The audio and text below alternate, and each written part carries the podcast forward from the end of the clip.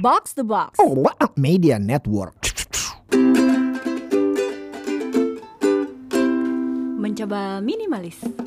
Mencoba minimalis mengurangi yang nggak perlu lebih dari sekadar beberes masih bareng Mike, bareng Ahmad Moradi, sama bareng Meka. Sekarang gue gantian ke Mike lagi. Kita udah kenalan sama sebuah program namanya Bersama dari YICF.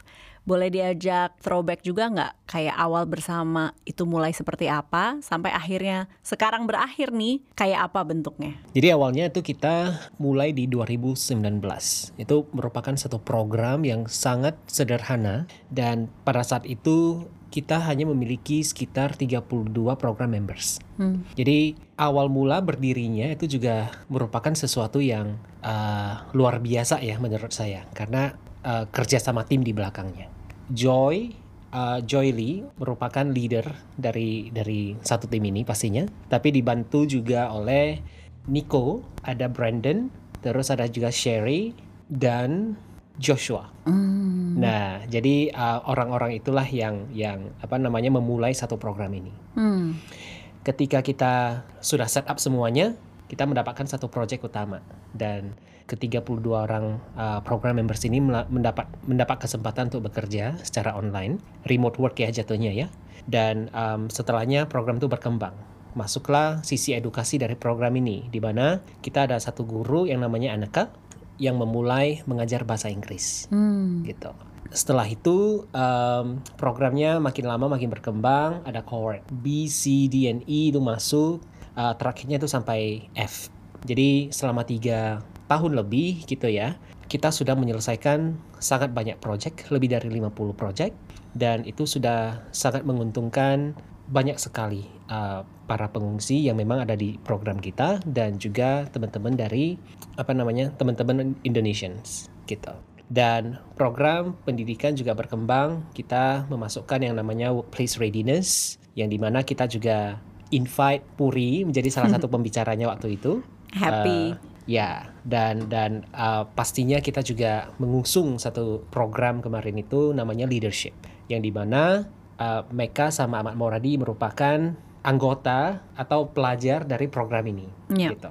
Mereka luar biasa banget di dalam satu program ini sehingga terakhirnya kita memutuskan untuk memberikan mereka kesempatan untuk uh, apa namanya join ke program kita dan dan mendapatkan share lebih banyak Hmm. untuk berkontribusi. Oke. Mereka diangkat menjadi uh, program assistant dan Ahmad Moradi uh, sebagai intern dan dia mengurus community-nya.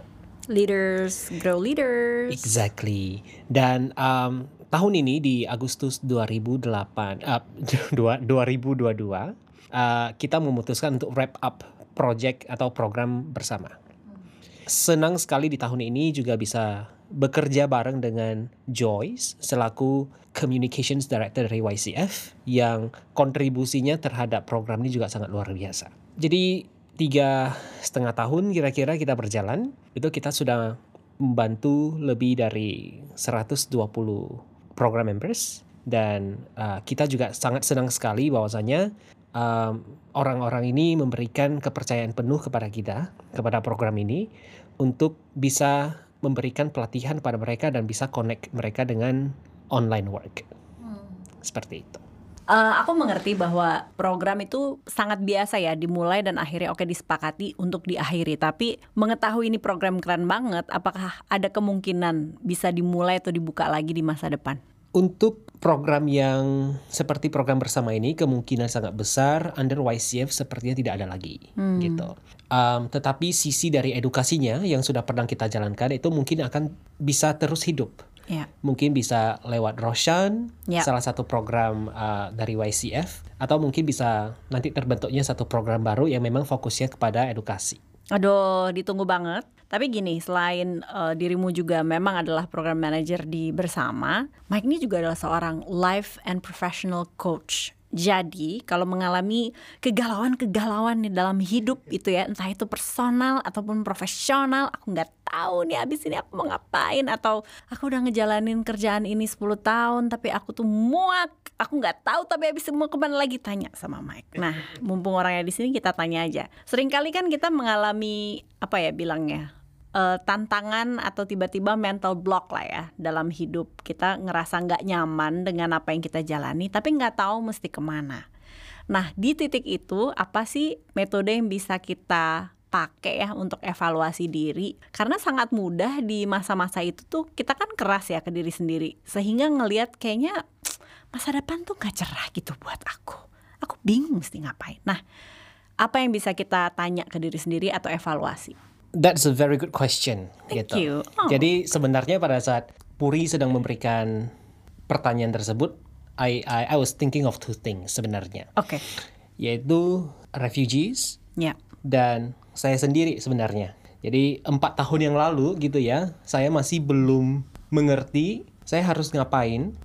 I was lost gitu ya. Uh, ke depannya mau ngapain, mau mau uh, kerja di mana, mau belajar apa, itu juga sama sekali nggak pernah ngerti gitu. Jadi yang saya lakukan pada saat itu adalah saya travel. Dari travel tersebut banyak sekali slow living gitu. Jadi yang di mana saya yang ya udah saya nggak mau ngapa ngapain dulu. Yang penting bisa mendapatkan satu pencerahan gitu ya. Dan dan terakhirnya saya dapati. So what I was doing adalah bertanya pada diri sendiri. Ke depannya ingin ngapain sih gitu. Uh, ke depannya apa sih uh, pekerjaan-pekerjaan yang membuat saya merasa fulfilled. Nah dari pertanyaan yang saya berikan pada diri sendiri itu saya menemukan jawabannya gitu. Ya. Saya ingin melakukan sesuatu yang memang memberikan dampak positif pada orang lain. Dan dan maka dari itu saya ingin pursue salah satu pekerjaan yang namanya coaching. Dan ini juga merupakan sesuatu yang yang yang sudah saya implementasikan coaching ini gitu ya kepada beberapa eh, teman-teman pengungsi ketika saya masih berada di program bersama. Saya sering bertanya kepada mereka beberapa pertanyaan yang simple Ya. gitu ya, tetapi memberikan dampak yang sangat luar biasa. Hal tersebut juga membantu banyak dari mereka untuk terakhirnya figure out mereka tuh harus ngapain selama di Indonesia. Jadi uh, teknik atau atau salah satu hal yang bisa dilakukan gitu ya apabila kita sedang mendapatkan mental block atau apa pun itu adalah lebih ke bertanya kepada diri sendiri gitu Ya. loh.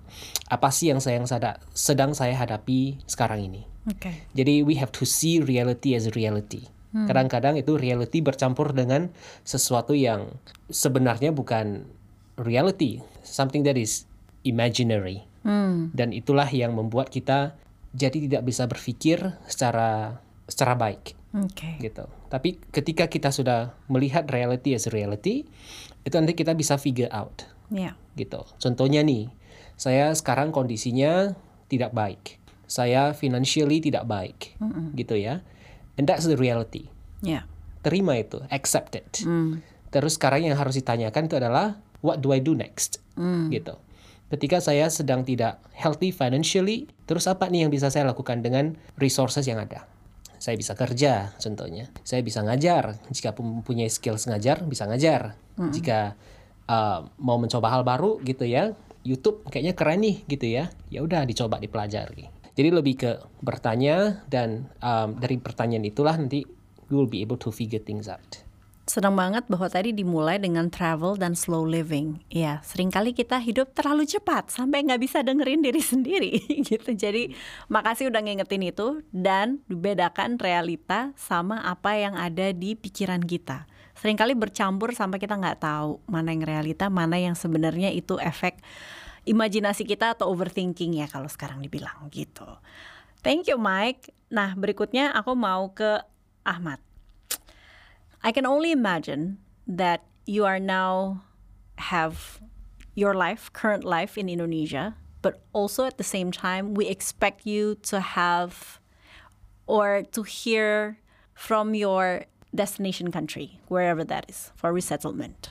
So, my question to you is now that you have Bersama, you've had your experience with Bersama, what do you want to achieve next here in Indonesia and also for your next life in your destination country? Right now, these days, um, my main focus in, in Roshan is kind of learning or trying new things, things that I haven't um, experienced or, or done in Bersama. For example, um, one of my responsibilities in Roshan is to manage a mm, social enterprise. Um, so Roshan has this social enterprise um, that is called Roshan Roast. We sell coffees, and all the profits will go to um, refugees' education. So um, this was a new experience, Awesome. like um, yeah. um, marketing and selling um, some products offline, online, um, through clubs. So this is something that I want to kind of master it. How to manage a kind of a business, like um, the the operation parts of it. Right. How does it start? Um, what's uh, what what sort of things I need to think of, and what is the end result? So through Bersama, I I kind of learned how to lead smaller groups of people Yeah. towards a specific goal. Here, I'm learning the the uh, about operations and and I don't know reaching out to people, so stuff like this. Um, for the future, I honestly don't know what I'm um, what I'm gonna do when I'm resettled to uh, to the third country. Yeah. But whatever it is, um, I think I gotta reflect back, see what I went through here in Indonesia, and what sort of skills I've developed. Based on those skills, those strengths, um, how can I apply those skills or strength in a job or something in the third country? So right now, I don't know, but definitely I gotta um, think of all of these and find a job that is uh, within my abilities based on my experience. Sounds like a plan. Work readiness. Not entirely, Here, but yeah. yeah, here nor there. Yeah. Um, yeah. Well, nothing is set on stone, and uh, we don't know what the future holds. But Yeah. I can see that um, you're working on it. Yeah. And how about you, Meka? Jadi kalau ngomongin kehidupan dan influence bersama, apakah kamu sekarang tadi sempat dibilang kayaknya passion aku tuh edukasi gitu ya? Eh, bisa ceritain kamu sekarang ngerjain apa? Terus ke depannya kamu ngelihat kayaknya karir kamu atau kehidupan profesional kamu akan seperti apa? Mhm. Oke, so after bersama itu aku um, got connected to this um, edutech um, startup dan um, dari aku lihat kayak aku ngobrol sama CEO-nya and then ngelihat kayak vision and mission dari si um, startup ini dari edutech startup ini itu kayak oh ada ya ternyata even though dia tuh startup but then dia juga mikirin the social impactnya of the education gitu loh. Nggak cuman those yang uh, bisa afford the service aja gitu. Tapi uh, juga orang-orang yang nggak bisa afford gitu. Ya. So that kind of thing kayak um, yang uh, bikin aku semakin tertarik gitu dan that's why aku join di perusahaan itu gitu. So uh, sekarang aku di, bekerja di perusahaan edutech itu dan aku ngurus sebagai program associate. Um, we, uh, kita lagi membangun uh, yayasan baru biar bisa ngasih lebih banyak um, social impactnya gitu towards our beneficiaries gitu. Peranannya bersama sampai aku ada di titik sekarang ini adalah pertama bukan uh, dari bersama itu uh, mindset aku pastinya berubah gitu. Sebelum bersama aku juga sudah join banyak um, um, organization, I mean NGOs gitu as a volunteer. But then setelah masuk bersama lebih terfokus gitu. Oh, ternyata misalnya um, even though environment also important and then other things also important, but then education is one of the thing that crucial gitu di Indonesia karena um, walaupun pendidikan sudah gratis uh, berapa tahun? 9 tahun? 12 Sampai tahun? sebelum kuliah lah ya. sampai ya sampai sebelum kuliah gitu. Tapi apakah dengan pendidikan itu em, sudah ready gitu untuk masuk ke dunia pekerjaan gitu? Pertanyaan dan pekerjaan seperti apa yang bisa ready dari misalnya lulus eh, sebelum kuliah itu gitu kan? Em, hal-hal itu yang aku belajar dari bersama, terus abis itu dari bersama juga aku eh, apa namanya dapat connection juga yang ngebantu aku em, kayak pinpoint what I wanna do in, uh, with my life gitu. Apakah aku menjadi uh, mau jadi seorang yang cuman mem improve uh, diri aku sendiri atau um, aku pengen juga jadi individu yang bukan uh, diri sendiri doang yang diimprove tapi orang lain yang di sekitaran aku juga diimprove dan di situ mungkin aku juga belajar uh, sedikit banyaknya dari Mr. Mike karena um, di saat aku ada transition gitu dari bersama ke this new company gitu aku ada mikir kayak is this really for me gitu and then Mr. Mike just one call away and then like can we jump into a call and then like um, kita ngobrol for hours I guess thanks for that Wow. and then um, that makes everything's clearer for me gitu. Uh, um, oh, okay so I didn't even know kayak oh ternyata aku bisa ngelakuin ini loh oh ternyata bisa ngelakuin itu loh dan semakin oh uh, yakin gitu oh di ini emang uh, path yang aku pengen jalanin nih sepertinya di um, emang education ini dan sesuai juga ternyata sama apa yang aku mau uh, lakuin gitu. Karena semuanya ada di pikiran aku dan ada di otak aku tapi mungkin kita atau kebanyakan dari kita nggak bisa uh, pinpoint kayak oh emang itu beneran yang pengen kita lakuin gitu Iya, iya. karena kan pasti di atas itu ada banyak banget pikiran dari ada dari luar, ada yang dari internal kitanya juga gitu. So talking uh, sama uh, Mr. Mike itu juga helpful for me gitu untuk pinpoint oh oke. So this is what uh, you wanna do um, and then like uh, so what's the plan and then we set up the plans and everything. So yeah, here I am now. Nah tadi kamu bilang work readiness bahwa ada gap lah atau disconnect antara ya pendidikan itu bagus tapi belum tentu kita bisa langsung terjun ke dunia kerja. Menurut kamu elemen-elemen apa yang bisa dianggap work readiness setelah kamu melalui ini semua? Menurut aku um, selain experience yang harus di um, mungkin elemen lain um, yang banyak dilupain sama orang-orang atau bukan dilupain sih, masih yang belum banyak orang-orang sadar adalah edukasi itu nggak selamanya harus formal education gitu. Um, non formal education juga penting banget. Dan mungkin di Indonesia itu masih suatu hal yang belum banyak terjangkau uh, maksudnya belum uh, dinormalisasi ke mungkin ya uh, dengan non formal education ini kayak banyak kok orang-orang yang bisa bekerja di perusahaan-perusahaan uh, internasional tapi uh, mereka cuma lulusan SMA but then they took like some kind of course gitu um, and then from that course mereka juga misalnya uh, belajar juga uh, professionalism mereka juga belajar tentang kayak this specific skills gitu so skills menurut aku di um, industry 4.0 Is it Yeah. 4.0 now? It is. Yeah. So, yang lebih penting daripada um, kayak ijazah gitu. Iya. Yang lebih penting adalah skillsnya itu gitu. Hmm. Kalau misalnya ada skillsnya tapi nggak uh, apa namanya nggak uh, ada ijazah tapi nggak ada skillsnya kayak buat apa juga gitu kan? Iya. Uh, nggak bakal bisa lakuin apa-apa. Jadi yang penting skillsnya itu yang ada yang bisa langsung diterapin di dunia kerja sekarang dan di terutama di perusahaan-perusahaan seperti um, startup gitu yang mereka maunya karyawan-karyawan yang langsung oke langsung just mulai kerja gitu tanpa banyak training and that kind of stuff gitu. So, uh, most of our audience or listeners of Mencoba Minimalis came from the age of 18 up to 27. And a, a lot of questions uh, sliding to our DMs or asking about passion and life purpose and where do I start? What would you like to say to them? don't don't just um, sit around and expect things. Apply to jobs or, or search for them or do something as as little as it can be.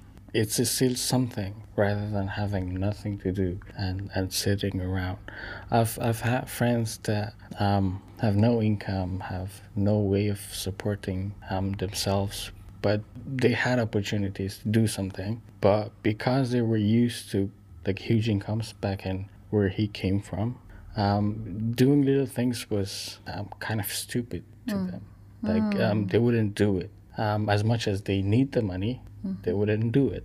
Um, do something um, take um, small steps. Um, like it's when, when when you start thinking about finding jobs or, or searching for things it's like you put stacks of dominoes Yeah. um, and, and you kind of push the first one Right. like um, after a while when, when you get to the end of it you would you would see the results. Like i did this and then this led to that one and that led to the other one. Try something as as little as it is. Connect with people. Networking is important. Like i'm sitting here because i decided to join roshan learning center back in 2015 I was just a student, but this being a student, this led to Bersama. Yeah. Um, the work that I did with Bersama, I was um, community management intern in Bersama, something that I've never thought of because I had no experience. But it happened. That was because of people that knew Roshan. And so after after Bersama, I'm back to Roshan. I'm doing volunteering. Um, so it's important to, to connect with people, to network. Uh, who knows what's waiting for you? Just knocks on doors. Yeah. Oh wow, that's amazing. Just start. Just start and one door one door will lead to another opportunity. Nah, untuk Mike nih, nih dengan berat hati kita harus udahin nih ngobrolnya di sini padahal pengen lanjut terus. Em, karena program bersama memang diakhiri. Ada yang mau disampaikan ke seluruh bersama alumni? Ada harapan atau ekspektasi yang mau disampaikan? Silakan. Harapannya kalau kita membicarakan mengenai bersama terutama uh, pastinya ada dua ada dua groups di sini ya. Um, refugees pengungsi dan um, Indonesians Indonesian youths. Kepada teman-teman pengungsi harapannya adalah semoga semuanya bisa cepat mendapatkan resettlement sesegera mungkin dan prosesnya di diberi kelancaran gitu ya. Um, dan untuk yang memang sedang menunggu dan masih belum mendapatkan satu kejelasan, semoga saja uh, mereka itu memiliki satu keinginan untuk bisa belajar, bisa mengembangkan skills yang mereka selama di Indonesia, supaya nanti pada saat mereka sudah ada di negara ketiga, uh, mereka mudah le- lebih mudah mendapatkan pekerjaan, lebih bisa bersaing dengan orang-orang di sana. Jadi resettlement itu adalah um, satu proses di mana teman-teman pengungsi gitu ya, mereka akan ditempatkan di negara ketiga. Dan untuk teman-teman Indonesia yang ada di program kita kemarin, um, harapannya adalah supaya lebih bisa mengenal diri sendiri, strengths-nya di mana, skills-nya di mana, dan motivasinya itu apa sih sebenarnya gitu. Karena setelah semua ini sudah menjadi jelas, itu lebih gampang buat mereka mengetahui ke mana mereka akan berkarir gitu. Iya. Jadi apa sih yang member- memberikan mereka satu motivasi untuk bekerja? Apakah itu lebih ke social impact atau apa gitu. Jadi itu sih harapan terbesarnya. Kirim love dulu dong, nggak cuma buat Mike, tapi juga untuk program bersama dan untuk YICF, Don't Be a Stranger. Kalau butuh bantuan, hubungin aku, sebisanya aku bisa bantuin. And I also would like to thank uh, Ahmad, thank you, Mecca, thank you for being so honest. Um, best of luck, don't be a stranger. Let me know if you need any help. Mecca juga tentunya harapan aku karirnya Mecca juga terbang tinggi dan semua yang diimpikan bahwa bisa membawa dampak positif nggak cuman buat diri sendiri tapi orang lain juga tercapai. Ini dulu mudah-mudahan ada lain kali sampai ketemu lagi di percakapan mencoba minimalis berikutnya. Bye. Yes, seru banget ya dan inspiring banget nih episode kali ini nih. Buat temen yang tertarik jadi volunteer, silahkan kunjungi www.yicf.org. Kalau misalnya punya ide topik, boleh banget. Langsung aja kirim ke Instagramnya at mencoba minimalis. Terus jangan lupa ya kasih review bintang 5 di Spotify lewat HP lo. Kita ketemu lagi di episode yang akan datang. Avo Chaps. Bye for now. Mencoba minimalis.